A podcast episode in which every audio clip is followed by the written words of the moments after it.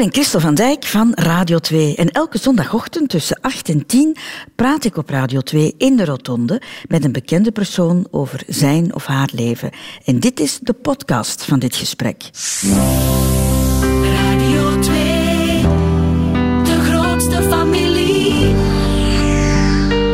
Goedemorgen. Ergens aan deze kust van ongeveer 67 kilometer is er een plek waar hij naartoe gaat als hij niet gevonden wil worden. Maar vandaag kan hij zich niet verstoppen. De locatie is bekend, de Rotonde in Westende. Goedemorgen Bart Moejaert. Goedemorgen. Schrijver die uh, tal van prijzen gekregen heeft, onder meer de Astrid Lindgren Memorial Award, ook wel uh, de Nobelprijs van de jeugdliteratuur genoemd. En de zee, voor jou als ideale plek om te schrijven, Bart? Ja, dat is de enige grote de plek waar je ver kunt kijken, denk ik altijd. En als je plek nodig hebt in je hoofd, dan uh, is dat wel de, de, fijne plek, over de horizon heen. Geeft dat jou de ruimte om na te denken? Dat niet alleen, maar dit is ook een hele stomzinnige West-Vlaamse reden. De plek waar ik dan ben, moet ik ook betalen. En als je iets betaalt, dan moet het ook uh, opbrengen. Dus als ik een, uh, een deadline heb, dan probeer ik die deadline echt te halen door die plek op te zoeken. Want kom, er moet echt gewerkt worden. Het is geen tijd voor strandwandelingen alleen. Er zit ook een kruidenier in Bart. Er zit een uh, verschrikkelijke kruidenier, maar je kan niet anders in dit land. Welkom in de Rotonde, Bart. Dankjewel. Radio 2. De Rotonde met Christel van Dijk. Bart Moejaert, ben jij iemand die veel nadenkt over het leven? Uh, zie ik begin al na te denken. ja, ja. Gelukkig is met ouder worden wordt het beter, denk ik soms. Uh, het nadenken was tot een paar jaar geleden, tot mijn vijftigste zal ik maar zeggen. Uh, vooral nadenken in, in, de negatieve zin van wat doe ik niet goed, wat, wat, loopt er fout. En dat proberen bij te sturen. En dat hele uh, najagen van perfectionisme, deed me echt de das om. Dat, dat ik mezelf vertraagde of dat ik geblokkeerd raakte zelfs. Mm -hmm. En op een bepaald moment, ik kan niet aanduiden welk moment of wat er moet gebeuren om dat plotseling te beseffen, wist ik wel van ik moet dat hele perfectionisme van mij afgooien. Eén boek gekocht, een Amerikaanse schrijfster, de, de, ik kan de titel nu niet zeggen, maar één boek over waarom we in godsnaam proberen geen fouten te maken. Wat er, wat, er, wat er mis is aan fouten. Dat er niks fout is aan fouten. En dat boek heeft me wel geholpen om zo na te denken. En nu kan je anders naar je fouten uit het verleden terugkijken. Ja, ik, denk dat ik nu minder uh, een zweepje pak om uh, mezelf te slaan van ach en wee, wat heb ik fout gedaan. Ja. Zit er ook iets van nostalgie in jou? Ja, ja ze noemen me dikwijls wel een, een weemoedige mens. Ik, ik vind het altijd vervelend om te horen, omdat het klinkt alsof ik in het verleden leef. Ik, niet, ik heb echt niet, echt niet het gevoel dat ik in het verleden leef. Maar je houdt wel heel veel dingen bij hè, ja, uit het verleden. Ja, altijd al gedaan. Ik bedoel, ik, ik heb nog dingen van vroeger, van toen ik zeven was. Briefjes zelfs, die je in de klas geschreven hebt. Ja. En dat is, nu denk ik soms van misschien deed ik dat met het oog op het Bart Boejaert Museum. dat zou een, een, erg groot museum moeten zijn met veel rommel. Maar ja, ik weet niet hoe dat komt. Waarschijnlijk om mezelf zo'n beetje ja, bij te houden. Ja. Ik ben nu pas verhuisd en, en het is een verschrikking om, om verhuisdozen open te maken en leeg te maken. Maar tegelijk is dat ook geweldig. Want het, de archiefkamer die ik had in het vorige huis, het is echt een, een, een plek waar ik, waar ik dagen zou kunnen zitten om die ene foto vast te pakken die ik al lang vergeten was. Ja. Of er zijn complete enveloppen of plastic zakjes met, uh, van één reis. Een reis naar Japan, een reis naar Normandië.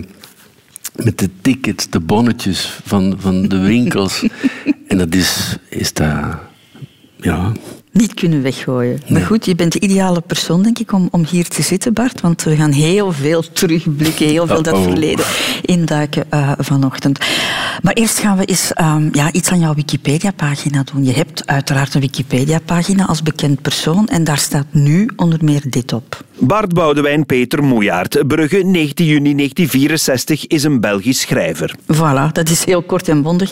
Er staat heel veel op, volle bladzijden met allemaal interessante informatie over jou, Bart. Maar we blijven wel een beetje op onze honger zitten als we wat meer willen weten over jou vooraleer jij bekend werd.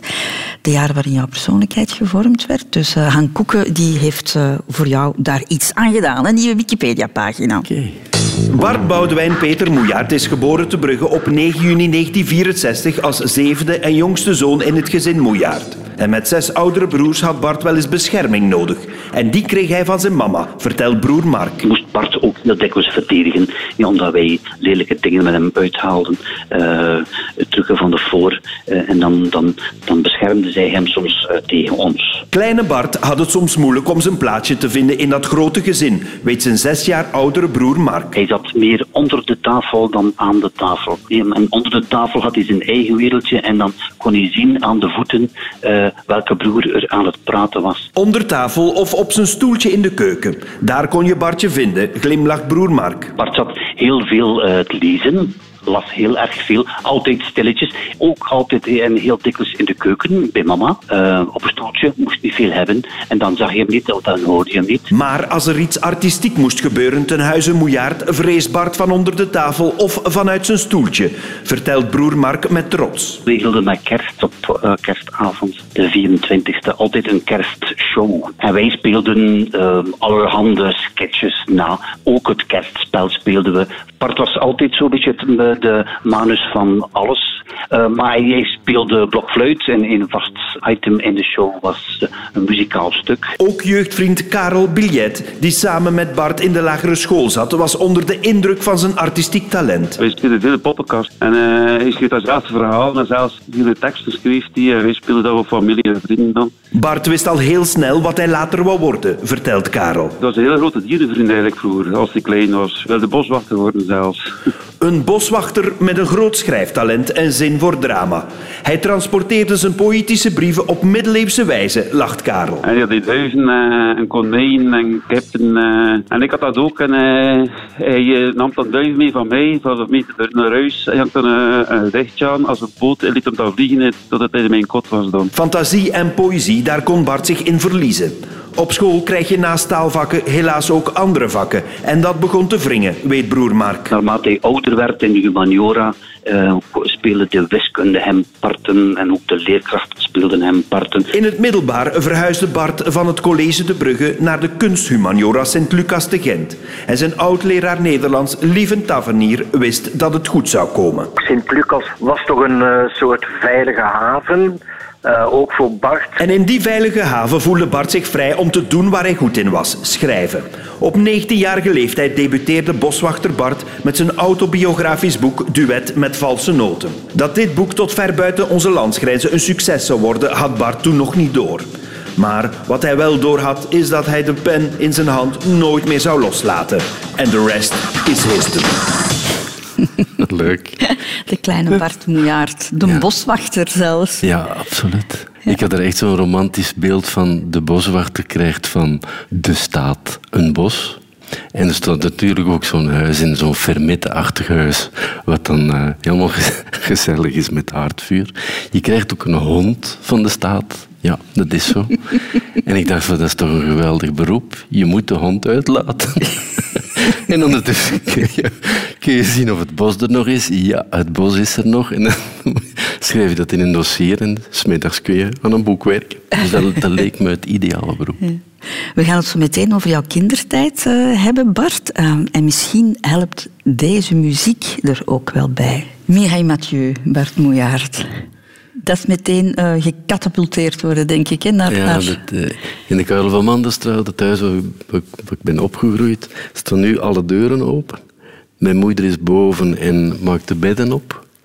En ofwel Nana Mouskouri ofwel um, Mireille Mathieu staat loeihard op. Bijvoorbeeld dit nummer.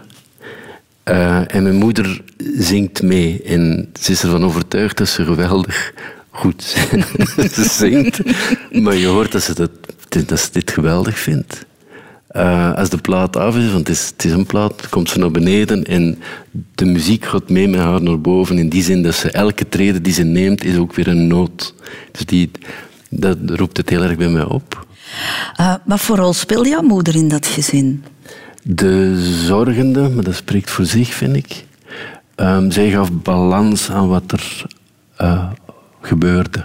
Mijn vader was strikt. Uh, er waren regels waar elke broer tegenop kwam. Later zijn er broers, zoals ik bijvoorbeeld, die wel begonnen te begrijpen van hij moest het zo aanpakken met die zeven mannen. Haha. Uh, er moesten regels zijn.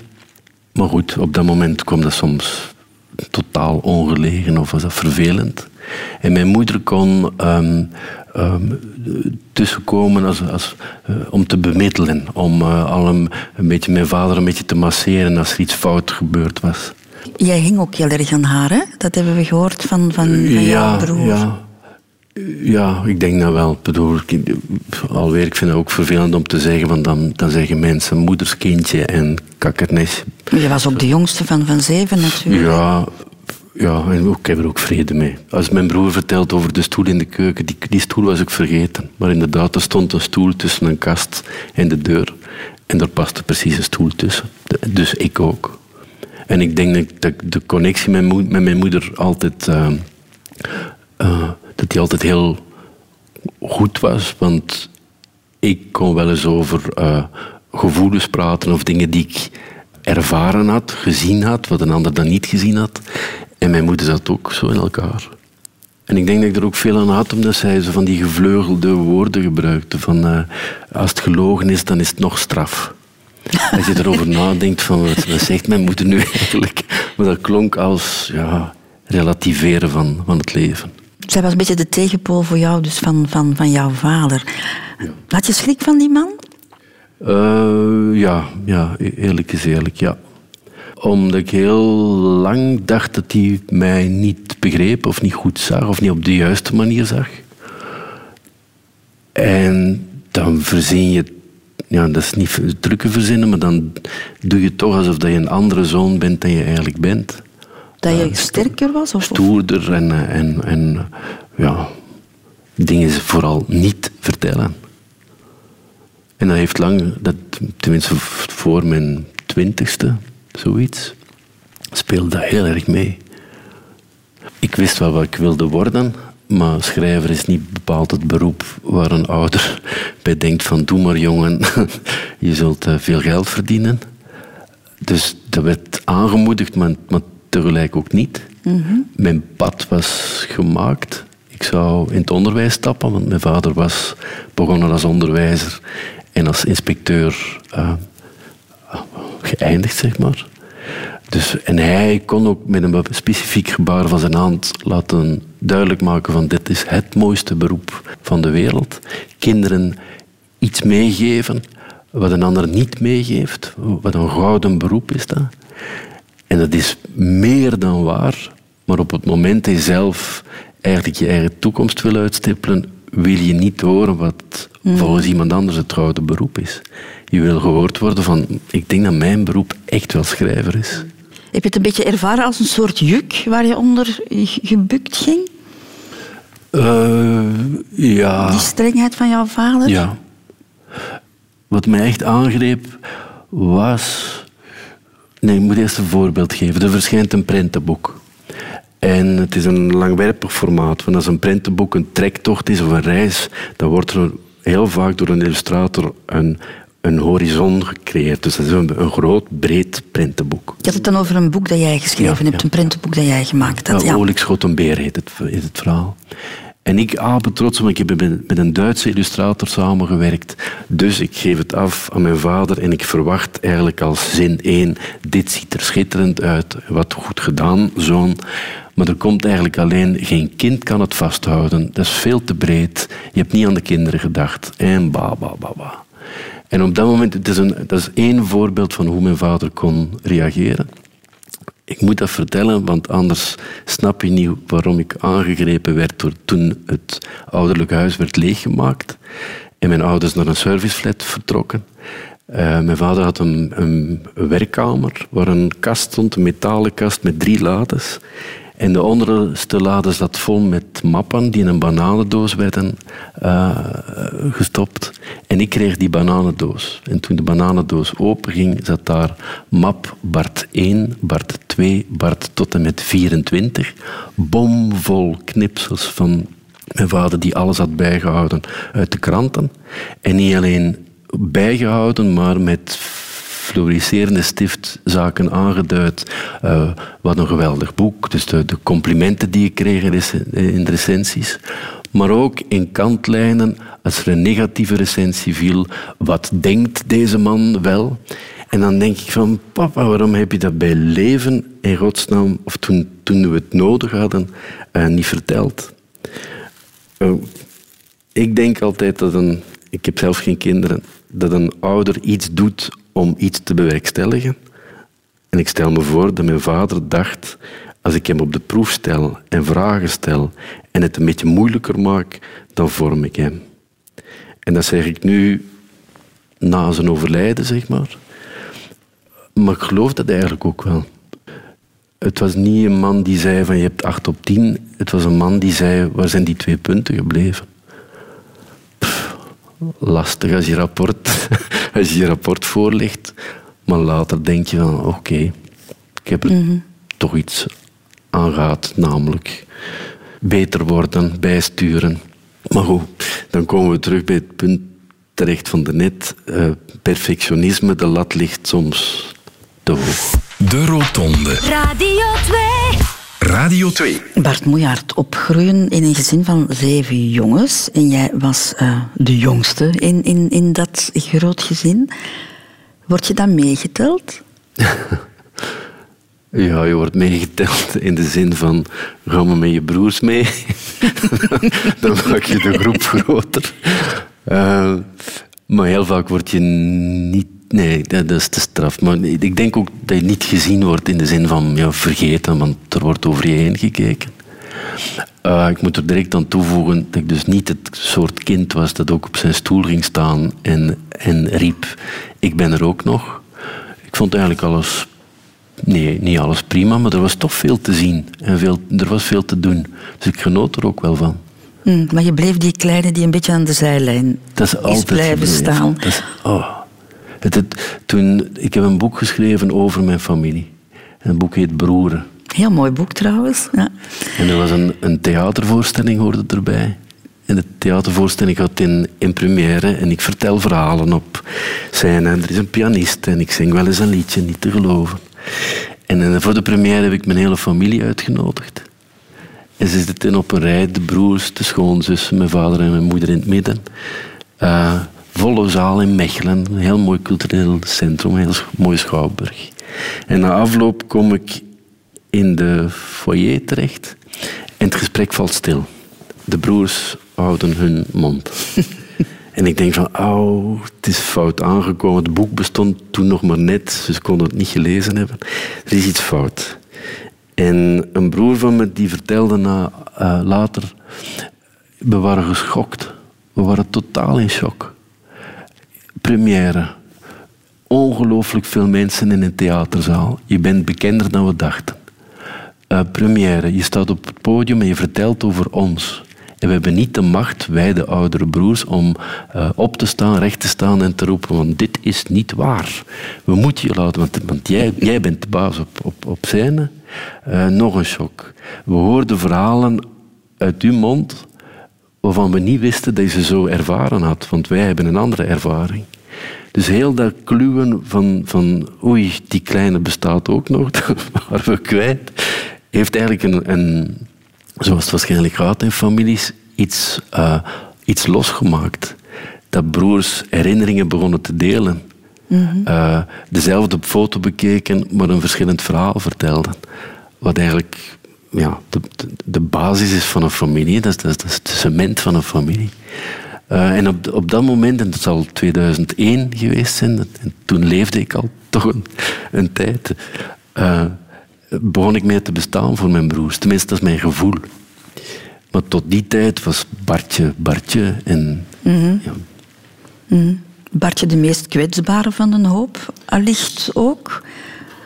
Of Ja. is dat ook iets dat in jouw schoenen geschoven werd? Ik, was als, als jongetje was ik een vrij jongetje. Breekbaar, ja, natuurlijk wel. Oh, ja. Ik hoor vandaag van alles dat ik niet, niet graag hoor. Maar, ik heb er, het, is, inderdaad een kwetsbaar jongetje dat eh, vaker op zijn kamer zat. Tenminste, van zodra ik, weet ik veel, 10, 12 was, trok ik me terug. En had ik mijn eigen wereld, waar ik eigenlijk weinig mensen deelgenoot van maakte. Ik begon ook te merken van, ehm, dat je bekeken wordt als anders of zonderling. Want eh, je, je, je zit niet alleen met je neus in de boeken, maar je schrijft ook nog verhalen en je bent altijd met theaterdingen bezig. Eh, dus dit, ik begon dat wel door te hebben van ik loop niet eh, in het van iedereen, of hoe heet het. En dat maakt je kwetsbaarder. En zeker als je uh, de puberleeftijd bereikt, wat bij mij een verschrikkelijke periode was. Ja, dat dan... Ja, want op school ging het ook Nee, heel slecht hè, toen, eh, als je zo'n een jaar of dertien was. Er bestaan boeken over faalangst hè, en ook faalangst op school. Ik heb zo'n boeken gelezen om te snappen hoe dat ik toen op school niet functioneerde. En ik ben echt een, een, een supergoed voorbeeld van een kind dat faalangst alleen maar opbouwt en in zijn eigen leven binnenbrengt en bang wordt. Je kunt dat, stel dat er die, interviews zou beluisteren van toen ik begin twintig was of tot mijn dertigste, dan hoor je hoe ingehouden en hoe, hoe bang dat ik ben dat, dat, dat ik ook maar enige mening zou kunnen laten horen. Ik wist heel goed wat ik aan het doen was. Dat schrijven was heel duidelijk. Maar, maar eh, mag ik wel bestaan? Wow, dat zit er wel diep in. En dat komt door die faalangst van... Als, je, als ik terug ga naar die puberteit, 14, 15, 16... en ik zit op het college en ik deug niet voor wiskunde... of voor de, de, de cijfervakken, zeg maar... dan kun je wel heel mooi in het schooltoneel spelen... en daar een, een mooie rol krijgen... en dat, dat volgens het publiek ook goed doen. Applaus, applaus. Maar je moet wel aan je diploma werken, jongen... want we, we, verdienen geen brood met schooltoneel. Dat zal niet lukken. Want je moet dan ook een paar keer een jaar over doen, zeker. Hè? Ja, tot twee keer toe. Dat is ook niet echt om, eh, om jezelf vertrouwen en een. Ja, een opkikker te geven. De eerste keer was ehm, mijn jaar opnieuw omdat ik niet schoolrijp werd genoemd. Toen heette het nog eh, PMS-testen. En dat, het, het zal zo geweest zijn dat ik niet schoolrijp was, maar in mijn gedachten is niet schoolrijp dat ik met de dingen bezig was waar je op een school niet moet mee bezig zijn, namelijk eh, verhalen schrijven en, en gedichten. Eh, maar goed, dan heb ik, eh, eh, moest ik overzitten. En later nog eens. Dat is, dat, is, geen prettige gedachte, want dat is te hyperfalen. En, en het goede is dat, dat ik, ik smeekte om naar de kunstschool te gaan. Wat absoluut, nee, dat gaan we niet doen. Je maakt het college af net als je broers, dat gaan we doen. En ik bleef smeken en uiteindelijk is mijn vader overstag gegaan. En dat verhaal is, is, is bijna grappig. Oké, we gaan naar Gent, eh, Sint-Lucas, we gaan kunsthumaniora, we gaan beginnen. We gaan je inschrijven. En er was al informatie, maar niet via internet. Er was niet genoeg informatie. We komen aan en de artistieke richting die ik wilde vol- volgen was een richting om je voor te bereiden om architect te worden. En je kreeg nota bene in het vijfde jaar acht uur wiskunde en in, in, het, in het zesde jaar negen uur wiskunde. Ik die dus nul was voor wiskunde. Maar daar begint mijn pleidooi voor de warme leerkrachten. Ik had een, leerkracht wiskunde die gewoon wist wat er met mij aan de hand was. En die wist van, van 32, ik noem het nu maar 32, hè, maar van 32 ga je nooit 78 maken. Die procenten zijn niet belangrijk. Ik wil kijken wat die jongen doet, hoe hij werkt. Ik ben die man heel dankbaar dat hij eh, waarschijnlijk heel vaak voor mij heeft moeten pleiten. En ik ben bijvoorbeeld Lieven Tavernier ongelooflijk dankbaar, omdat hij mij ook zag zoals ik wilde gezien worden. Een flinke injectie zelfvertrouwen. Ja, ja, absoluut. Een belangrijke keuze in jouw leven, Bart Moejaert? Of uh, kan ik het zelfs geen keuze noemen? Is het een soort van roeping? Schrijven? Deze, het is geen roeping. Ik, ik denk dat mensen eigenlijk heel vaak al zijn wat ze zullen worden. Dat een, een, voetballer eigenlijk al voetballer is en het niet wordt. En dat vinden mensen dan pretentieus klinken als ik zeg van dat ik eigenlijk altijd al schrijver was. Natuurlijk moet je het worden en leren en beter en wat dan ook. Maar ik weet dat ik van op mijn zeven, met, met, toen ik zeven was, al met die gedachten speelde. Hoe komt het anders dat je als kind van een jaar of zeven pas leren schrijven en eigenlijk al vroeger leren schrijven voor, voor de school begon? En ik uh, ervan overtuigd was dat schrijvers hun boeken zelf maakten. Met karton, lijm, plakband. Is echt? Dat je, dat, dat je dacht dat dat echt ambachtelijk ook was? Ja. Exemplaar na exemplaar. Hoe het precies ging, snapte ik niet, maar zo zal het wel gaan. En een ander kind knutselt, weet ik veel, een, een burcht. En ik knutselde een boek. En het zijn levendige herinneringen aan, aan ik, de krant. En er is een, uh, een, een, reclame voor een reisbureau. En er staat een, een meisje in minirok met een grote zomerhoed. En ik weet dat ik als kind, ik zal zeven of acht zijn geweest, naar die tekening bleef kijken omdat ik hem niet begreep. Want het meisje sprong in de lucht, want ze was blij dat ze op reis ging. In de ene hand had ze een koffer en in de andere hand had ze een koffer die ze heel hoog tilde. En ik dacht van man, man, man, hoe is dat mogelijk dat je omhoog springt en twee zware koffers nog zo hoog kunt tillen met je zomerhoed? Tekening uitgeknipt. Dat was mijn nieuwe boek Barbara gaat naar Amerika.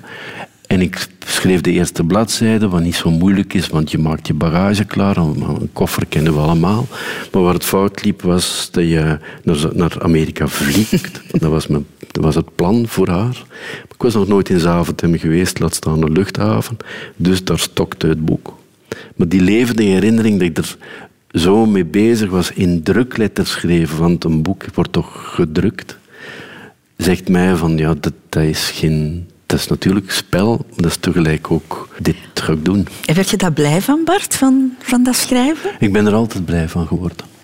Maar mensen moeten begrijpen dat blijheid ook uh, uh, verdriet en worstelen en, en, en, en, verschrikking kan zijn. Als je iets graag, nee, dat is al te zwak gezegd. Ik, ik, als ik niet schrijf, word ik ongelukkig. Als er een tijd lang niet kan geschreven worden omdat ik lezingen geef of te, veel bezig ben met andere zaken, dan is er een, een, een, zwarte hond in mij aan het opstaan die zegt van nou, nu is het wel terug uh, de beurt aan de schrijver. Nu, schrijven voor jezelf in de veiligheid van je kamer, dat is misschien makkelijk, comfortabel, maar op een bepaald moment moet je er ook mee naar buiten komen. Heb je dat niet eerst op de radio gedaan, Bart? Radio 2? Ja, onder andere. Ik, uh, ik weet niet wat, wat, er eerst was. Ik had een hartewens en Radio 2 had toen een programma dat Hartewens, hartewens met ja, Burms. Met ja. En er was een uh, hartewens streek neer in Varsenaar, ik zal het nooit vergeten. Ik had een brief geschreven dat mijn hartewens was uh, om mijn gedicht voor te lezen. En dat was een gedicht dat ik geschreven had, waar ik met voordracht, bij voordrachtwedstrijden had, al had meegedaan. Ik was er wel trots op, op dat gedicht. Over uh, uh, milieuverontreiniging en klimaat. Uh, we spreken over, wat zal het geweest zijn? 1975, zoiets. Nee, dat is niet waar, zoiets. Maar goed, ik ben te gast in het programma. En wat Rob Burms niet wist, was dat het, dat het gedicht toch wel langer duurde dan een versje. Uh, dus het nam veel te veel plaats in, in, de, in het programma. Een voorgesprekje waarin hij vroeg of ik het helemaal zelf geschreven had. En ik die flink antwoord, ja, helemaal zelf. en hij die vroeg uh, of ik zo later zou dichter worden. en ik heb er de legendarische woorden uitgesproken. Dat nog niet, maar het zal wel komen. Want ik had een heel mannelijke stem, zoals je het hoort. Dat was mijn debuut op de radio. Maar er is een, een ander verhaal. Er was een tijd dat er een krantje zat, een kinderkrant zat bij de Standaard. Eh, vroeger heette dat Patskrant en werd van naam veranderd naar de Stipkrant. En ik had een gedicht van mezelf opgestuurd. En ik dacht toen nog dat schrijvers eigenlijk moesten overwegen om een pseudoniem eh, te kiezen. Dus ik had het telefoonboek opengeslagen en bedacht van welk pseudoniem wordt het. En ik had een combinatie gemaakt van namen. Michiel, want dat vond ik een, een beetje dure naam en dat klonk dan goed. Verberne. En ik heb het gedicht op die manier opgestuurd. Het werd gepubliceerd. En ik was apetrots en ik liet het ook in de klas zien van kijk eens, mijn gedicht is gepubliceerd. En niemand geloofde het. Want dat was Michiel Verberne uit Sint-Kruisbrugge. Dat was niet Bart Moejaert uit Sint-Kruisbrugge.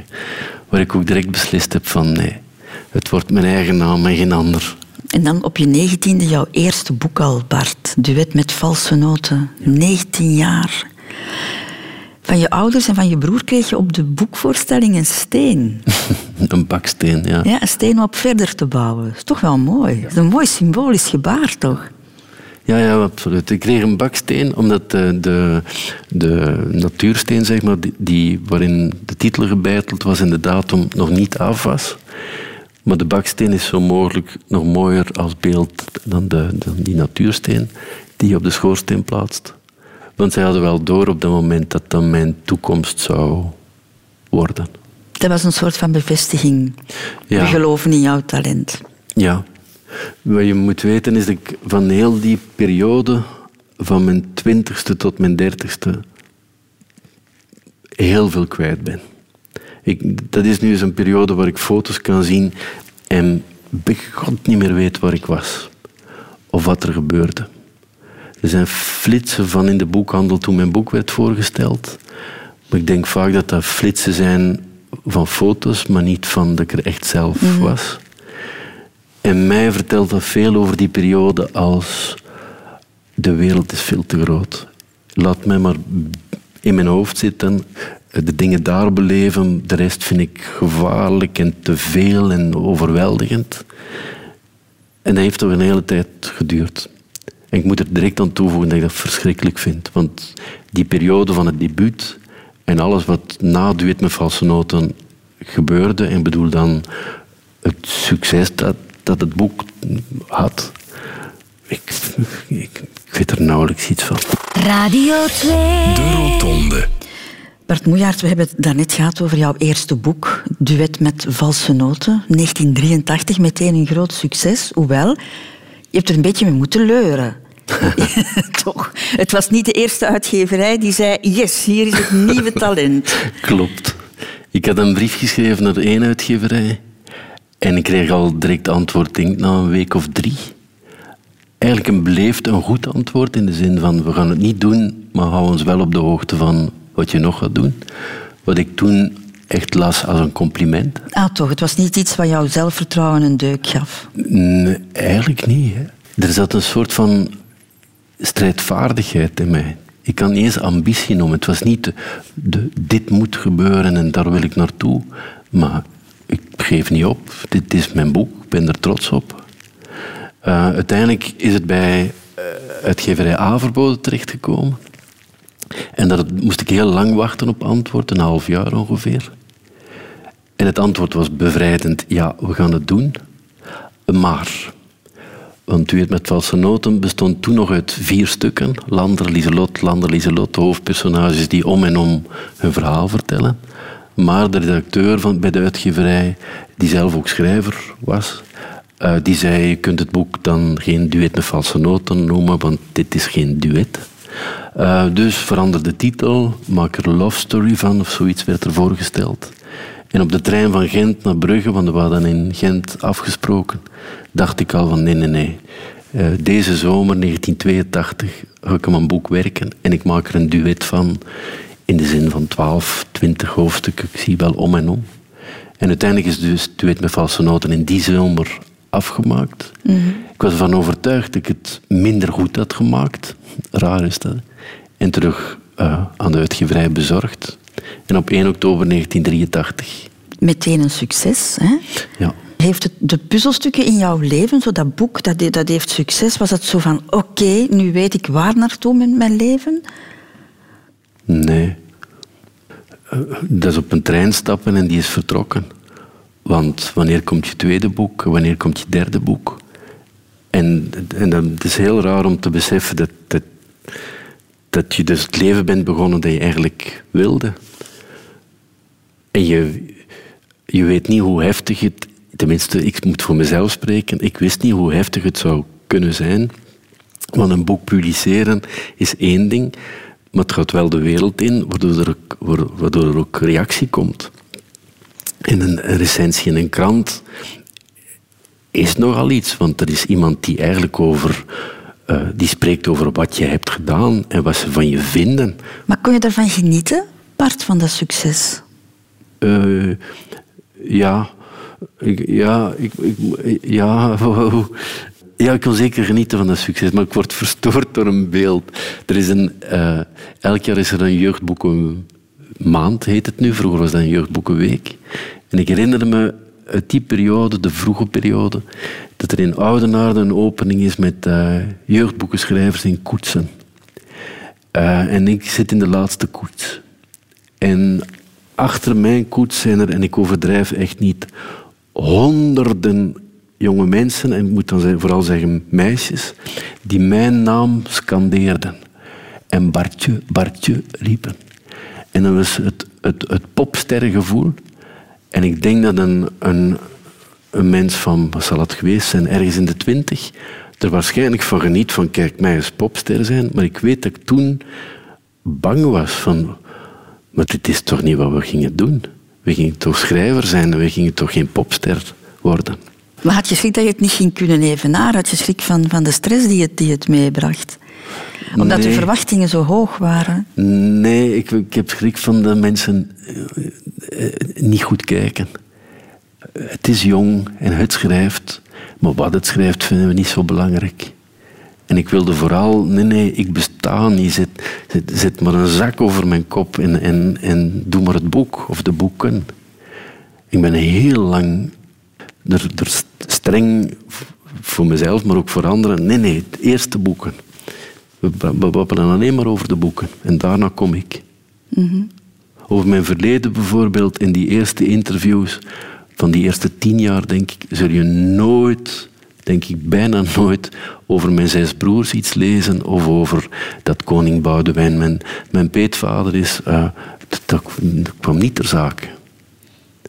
Ik was heel erg aan het beschermen. Ja. En getormenteerd, amai.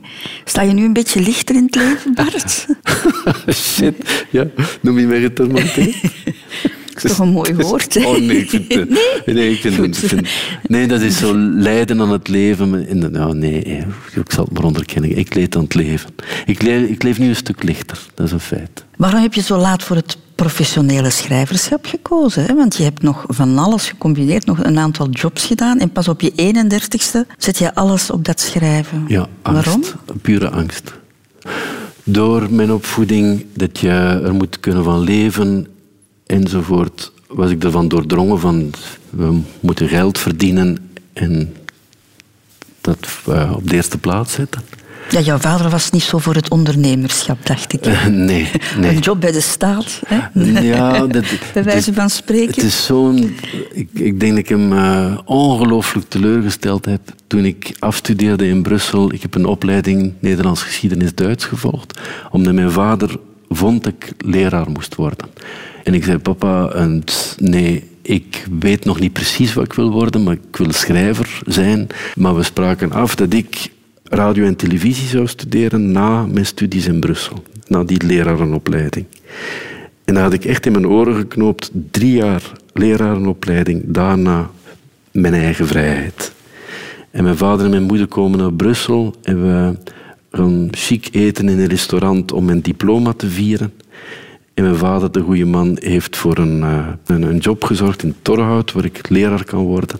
Heeft dat een envelop bij zich. En bij het dessert geeft hij het over de tafel heen aan mij. En ik geef het direct terug, zonder open te maken, omdat ik weet wat erin zit. En ik zei, papa, nee, drie jaar geleden hebben we afgesproken dat ik nu mag kiezen. Eh, en dat is, dat is een stevige ruzie geworden. Jij komt terug thuis wonen, zo gaan we het doen. Ik ben twee weken of drie weken terug thuis gaan wonen. En dan is echt de bom gebarsten.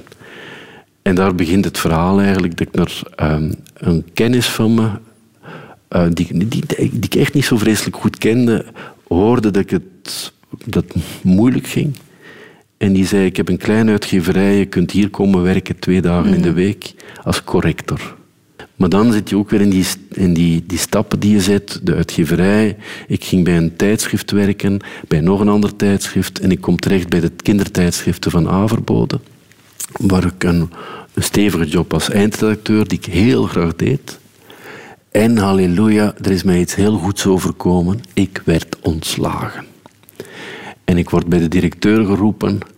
En hij zegt tegen me: Moejaard, je zult me nog dankbaar zijn. En ik vond op dat moment een rotopmerking, want van je ontslaat me en ik zal je nog dankbaar zijn. Maar ongeveer zes maanden later snapte ik wat de man bedoelde. Ik denk dat ik zes maanden met mijn voeten gesleept heb en ach en wee en ik moet toch een job hebben enzovoort. Tot mijn vriend van toen zei, nu moet je beslissen. Ofwel blijf je met je voeten slepen en met je schouders hangen en ga je niet schrijver zijn, ofwel zet je die stap. En bij mij is dat de klik geweest in, je noemde het net, 19... Je was 31. Zie je? En toen heb ik die klik gemaakt van nu ben ik schrijver. Maar het was eerst de financiële onzekerheid ook, waardoor Ja. je het niet durfde. Ja. En de financiële onzekerheid zorgde ervoor dat ik er totaal voor ging. Dat ik, ook, ik heb jobs aangenomen, schrijfjobs, die ik nu niet ga navertellen van wat ik toen gedaan heb voor, voor 1 euro per zin, bij wijze van spreken. Maar je moest, ik moest geld verdienen. De Rotonde. Radio 2.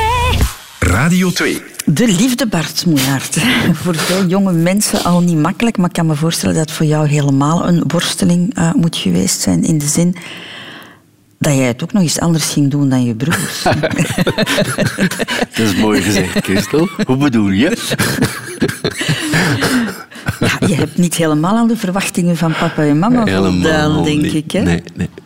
Ik wist al heel vroeg, weten is iets anders dan, tenminste, dan beseffen, dat ik op jongens viel.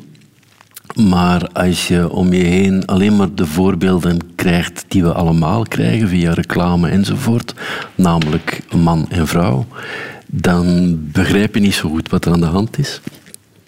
Toen ik jong was, was er maar één voorbeeld in Nederland, op de Nederlandse televisie. Dat was dus nog eh, over de grens, Jos Brink. Maar dat was op televisie. Er was niemand waaraan je je kon echt spiegelen. Geen rolmodel, ja. Dus die zoektocht van eh, op huwelijksfeesten aanwezig zijn van je broers en dan te horen krijgen van jij bent dan de volgende, beant- beantwoord je standaard met eh, ja, het zal wel zijn, op een dag, ja. Eh, maar goed, op een bepaalde dag heb ik echt die stap gezet die heel moeilijk ging. Ik was ervan overtuigd dat mijn vader het niet zou accepteren. Want er waren al dingen thuis gezegd die daar eh, op wezen. En ik vertel het aan een broer van me dat ik er echt mee worstel.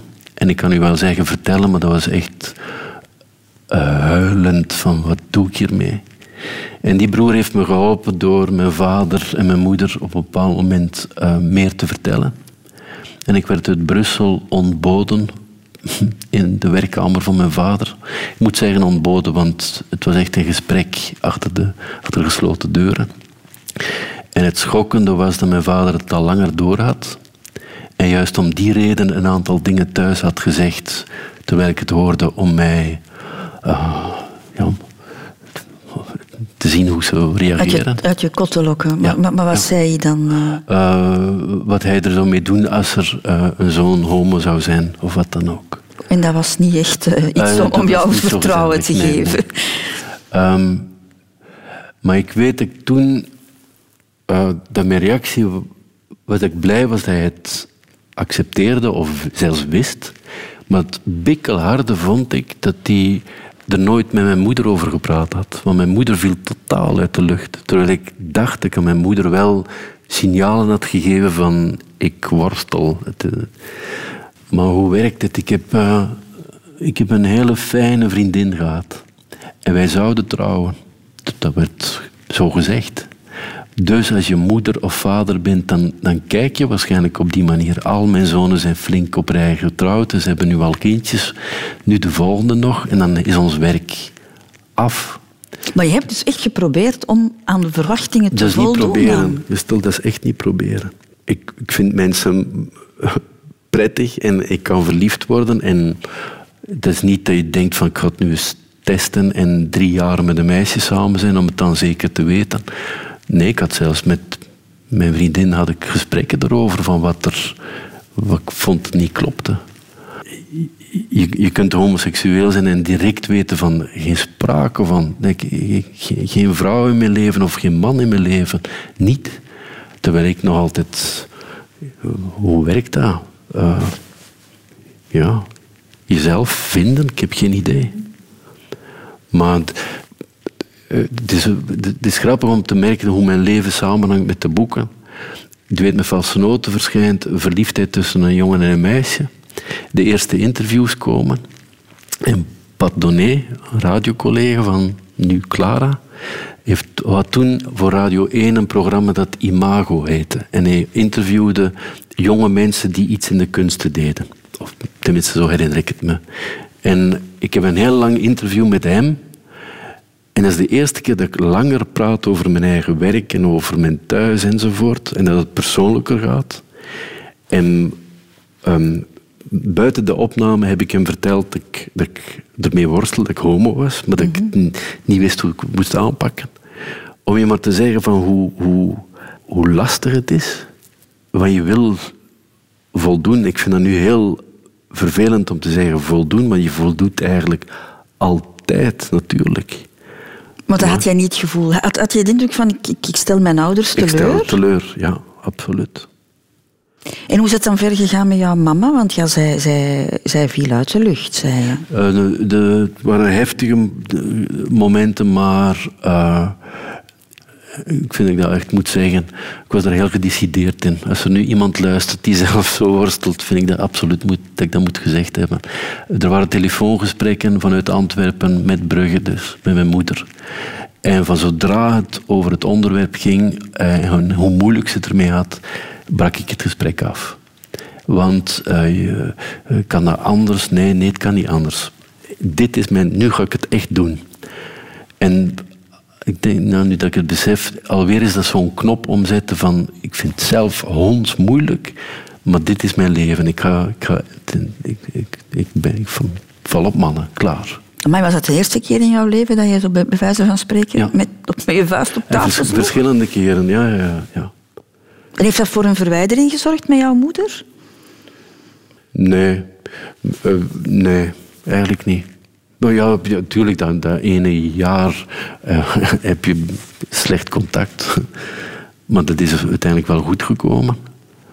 Alle vrienden die ik heb meegebracht naar huis, die werden eigenlijk met open armen ontvangen. Nooit een probleem. Wat schitterend is. En ik, ik, ik weet ook welke generatie mijn ouders waren. En ik weet ook hoe ze opgevoed zijn. Dus ik heb daar ook respect voor, voor wat zij denken. Of hoe ze opgevoed zijn. Maar ik ga niet met mijn vader en mijn moeder samenwonen. Ik ga mijn leven verder zetten. Dus daar moet ik voor zorgen. We hebben de titel van die wondermooie titel al aangehaald net voor negen uur. Het is de liefde die we niet begrijpen. Het heeft voor jou ook even Nu, je bent opgegroeid in een gezin waar het op dat gebied heel duidelijk was, denk ik. Hè? Vader, een beetje de baas, mama die, die, die zorgend was en eh, papa en mama bleven bij elkaar de, de rest van hun leven. Ja, ja. Was dat het ideaal? En behalve het feit dat, jij, dat er die vrouw niet zou zijn, was dat ook jouw ideaal? Die ene persoon in het leven tot aan de dood? Nee, het was niet het ideaal. Maar het was wel het beeld dat ik had. Dat de, ik noem het wel eens de, de, de margarine-reclame, picknickdeken, mannetje, vrouwtje, dochter en zoon. En de zon schijnt. En we, we eten zonnebloemen, zeg maar. Haha. En dan moet je nastreven, of dat zal het zijn.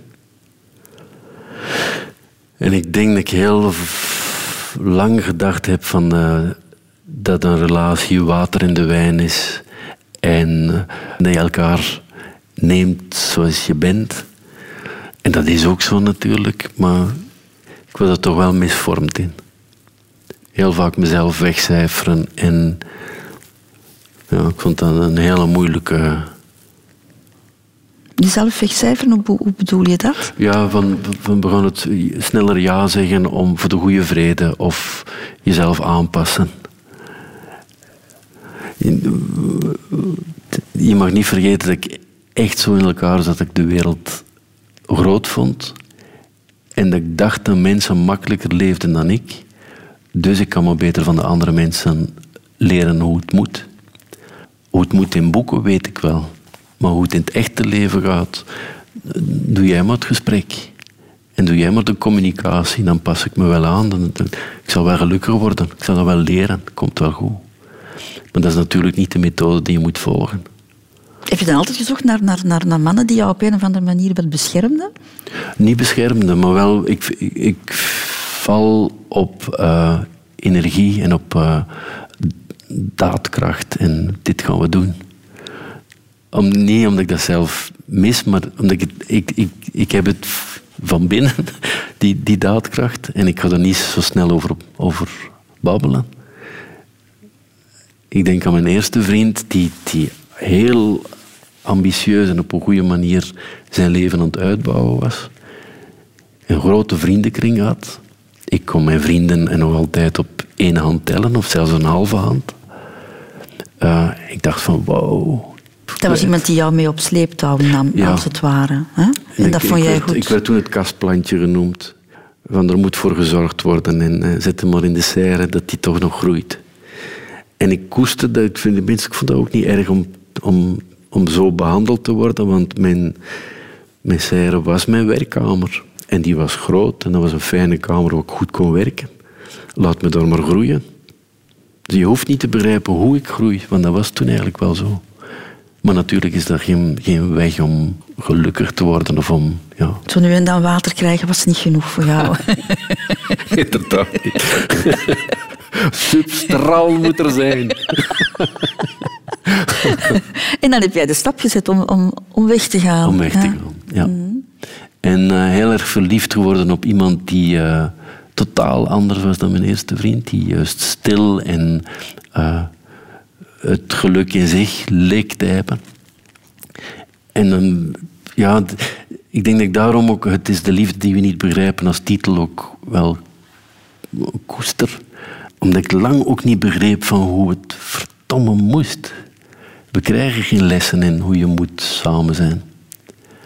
En die lessen zijn eigenlijk in mijn geval alleen maar door de jaren gekomen. Door, door mee te maken van wat je beter niet doet of mee te maken van wat- je wel doet. Nu, met die man ben je getrouwd geweest. Hè? Die stap heb je wel gezet. Hè? Ja. Ik was toen stadsdichter van Antwerpen.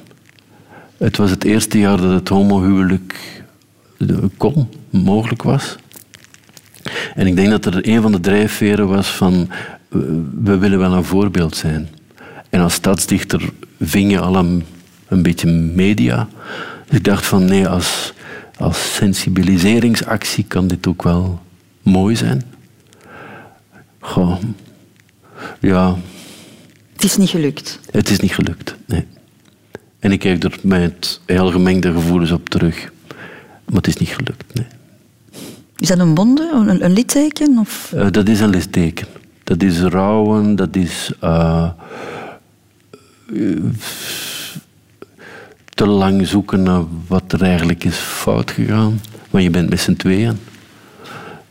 Ja, dat is een wonde. Maar pff, mag duidelijk zijn dat ik er niet graag over, Nee. over praat. Maar het is achter de rug. En het positieve dat ik eruit haal is dat ik eh, eh, die leerschool nu echt wel heb gehad. En die leerschool is zo heftig dat ik, eh, wat ik lang niet goed kon, dit ben ik, te nemen of te laten, dat ik dat nu wel toepas. En dan nog met de voorzichtigheid, die ik, de mens die ik ben, maar dat ik veel sneller laat merken van, van sorry, ik, Ik zit zo in elkaar. En dat is de zegen van ouder worden waarschijnlijk. Geen kinderen? Nee. Bewust? Dat heb ik al heel snel beslist. Ik denk ergens op mijn dertigste. En toen was mijn credo, omdat ik dat ook belangrijk vond om dat aan mensen te vertellen. eh, zolang mijn kind kan aangesproken worden op het feit dat het twee moeders of twee vaders heeft door andere mensen, die natuurlijk altijd iets moeten zoeken dat in hun leven, als er iets fout loopt, dan zoeken ze een fout bij iemand anders. Zolang dat gebeurt en mijn kind het slachtoffer is, van mij doet het niks, kan ik stoer zeggen, maar zolang mijn kind het slachtoffer is, dan vind ik dat ik geen kinderen moet nemen. En dat het waarschijnlijk goed is dat ik geen kinderen heb. In die zin dat ik toch de mens ben die eh, om één uur s'nachts in zijn werkkamer wil gaan zitten en te vroeg opstaan of te laat opstaan. Of als die in een boek zit, denkt dat hij nog een normale mens is, maar dat hij eigenlijk niet is. Dus ik zou, als ik vader zou zijn, zou ik de beste vader willen zijn. En ik, ik weet niet of ik de be- ja, betwijfel of ik de best- beste vader zou zijn. En dat is, is, als we er lang op doorgaan, dan wordt dat iets verdrietigs. Omdat ik dat echt wel jammer vind dat ik geen kinderen heb. Maar zie, ik denk ik heel vaak met dat, naar het negatieve kijk en er iets positiefs tegenover stel. Ik heb wel veel kinderen. Jouw lezers. Mijn lezers en de, en de mensen die mij lezen. Dat is goed, hè?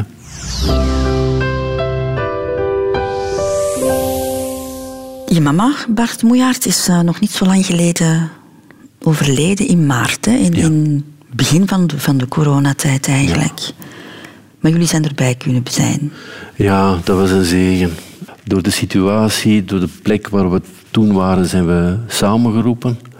Eh, met z'n allen aan een lange tuintafel, buiten dus. En we konden mijn moeder eh, nog bezoeken. Het was duidelijk dat ze de, de avond niet zou halen. Alle broers, zo goed als alle broers, ze waren erbij. Ik had, toen mijn vader en mijn moeder aan het dementeren waren, echt een voornemen. Ik ga zo vaak als mogelijk, of als mijn, mijn buikgevoel zegt van dat ik dit moet doen, ga ik op bezoek, ga ik langs. Of die afstand Antwerpen-Beernem, waar ze in een serviceflat zaten, nu groot is of niet, eh, dat uurtje is, is niks. Ik wil na hun dood geen schuldgevoel hebben over dingen die ik niet gedaan heb. En dat heeft dingen vergemakkelijkt, niet alleen bij mijn vader, maar ook bij mijn moeder. Omdat ik een aantal weken voor haar dood nog bij haar was. En toen voor het eerst echt wel ehm, verdrietig werd. Omdat ze eigenlijk al niet meer leefde. Dus ze reageerde nauwelijks. Ge- Geen, ge- een waardige dood vond ik dat op dat moment helemaal niet. Maar goed, dus toen ik, toen ik haar op haar sterfbed zag, dat is heftig. Maar kan ik dat zeggen terwijl mensen het horen? Ja, ik, ik vind dat eigenlijk niet zo moeilijk om naar de dood te kijken of naar dingen die donker of lastig zijn. Omdat ik echt wel in het leven sta van, hey, het is wat het is. Dus kijk het maar in het gezicht. Dus toen mijn moeder er lag, ik ben twee keer bij haar langs gegaan en de tweede keer was ik erbij toen ze haar laatste adem uitbracht. En dat is zo ontstellend, omdat het, het gebeurt terwijl je er naar kijkt, terwijl je haar arm aan het strelen bent, terwijl je zegt van, doe maar, ga nu maar. En ik wil niet in de val stappen van dat mijn moeder hoorde dat ik het was, waar ze nog op, op dat moment ook was, of wat ze ook nog hoorde. En dat ze zei, de jongste heb ik nu ook gezien, dus alles is goed, ik kan gaan. Daar wil ik niet aan denken, want dat vind ik, dat, vind ik geen, geen gedachte die mij helpt.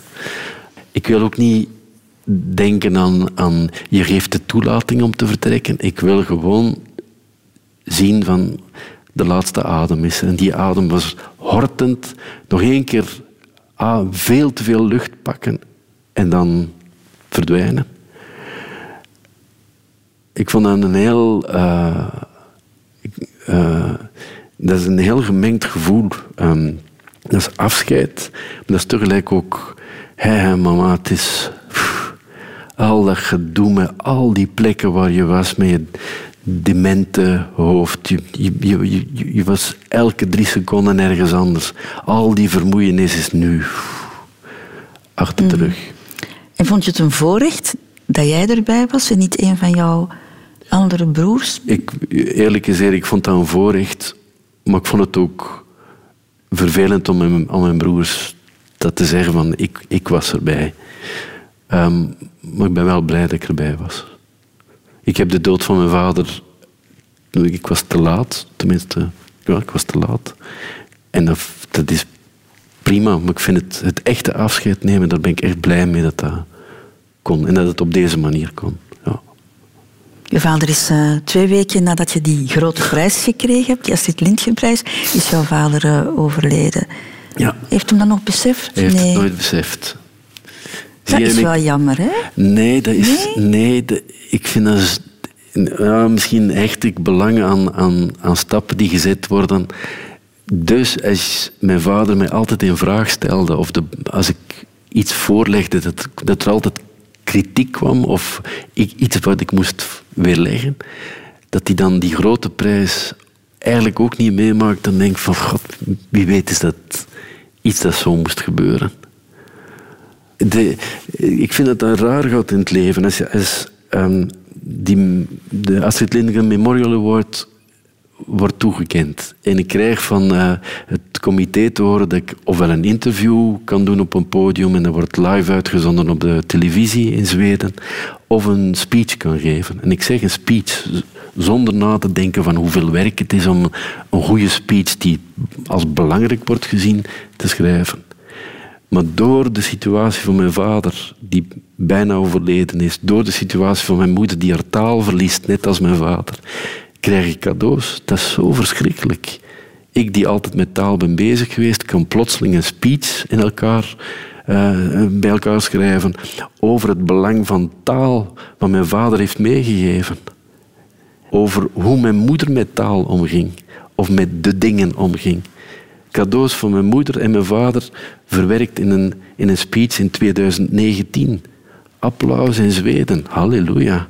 Ik denk dan, nee, oké, ze zijn overleden, maar die speech leeft nog altijd en die leeft verder. En die, die heb ik sindsdien ook in andere landen nog opnieuw gegeven met een aanpassing. Wat ik eigenlijk wil vertellen is dat, ik- dat ik door hun dood op een hele fijne manier heb ontdekt van oké, nu ben ik de volgende.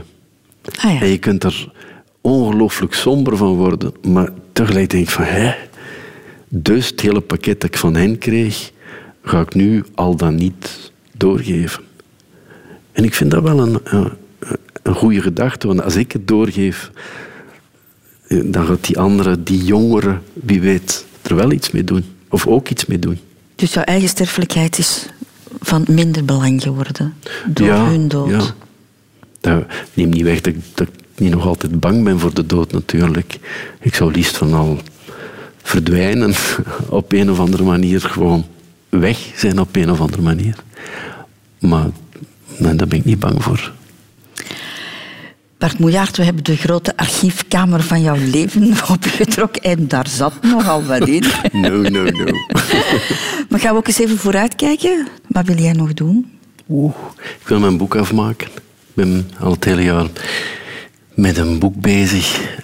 En dat is heel... Ja, dat- klinkt zo flauw. Natuurlijk is dat spannend. Maar ik zou heel graag het boek afmaken in 2021. En voor de rest, na... Als alles beter is, beter gaat, de reizen die ik niet heb kunnen doen, ik bedoel de lezingenreizen die ik niet heb kunnen doen, daar kijk ik echt wel naar uit. Terug het, eh, het sociale contact met, Ja. met, met jouw lezers. Ja. Het was heel fijn dat je hier aan tafel wou zitten, Bart. eh, dat je met, fijn. met ons het, jouw verhaal wilde delen. De twijfels die er ooit waren, maar ook alle successen. Ik wens jou ook nog heel veel liefde in je nieuwe huis in, in Heide. Waar je nu ook voor een stukje de boswachter kan spelen. Hè? Die je in je jeugd eigenlijk wou zijn. Niet de hond nog.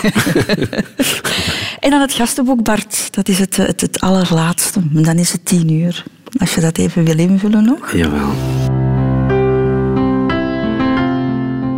Dag Christel.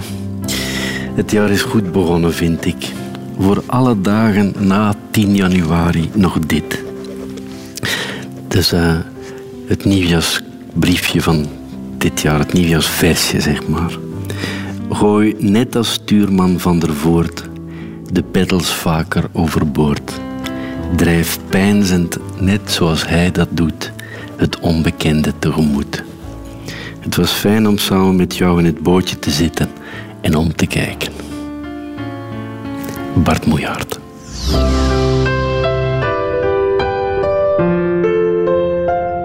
Radio 2.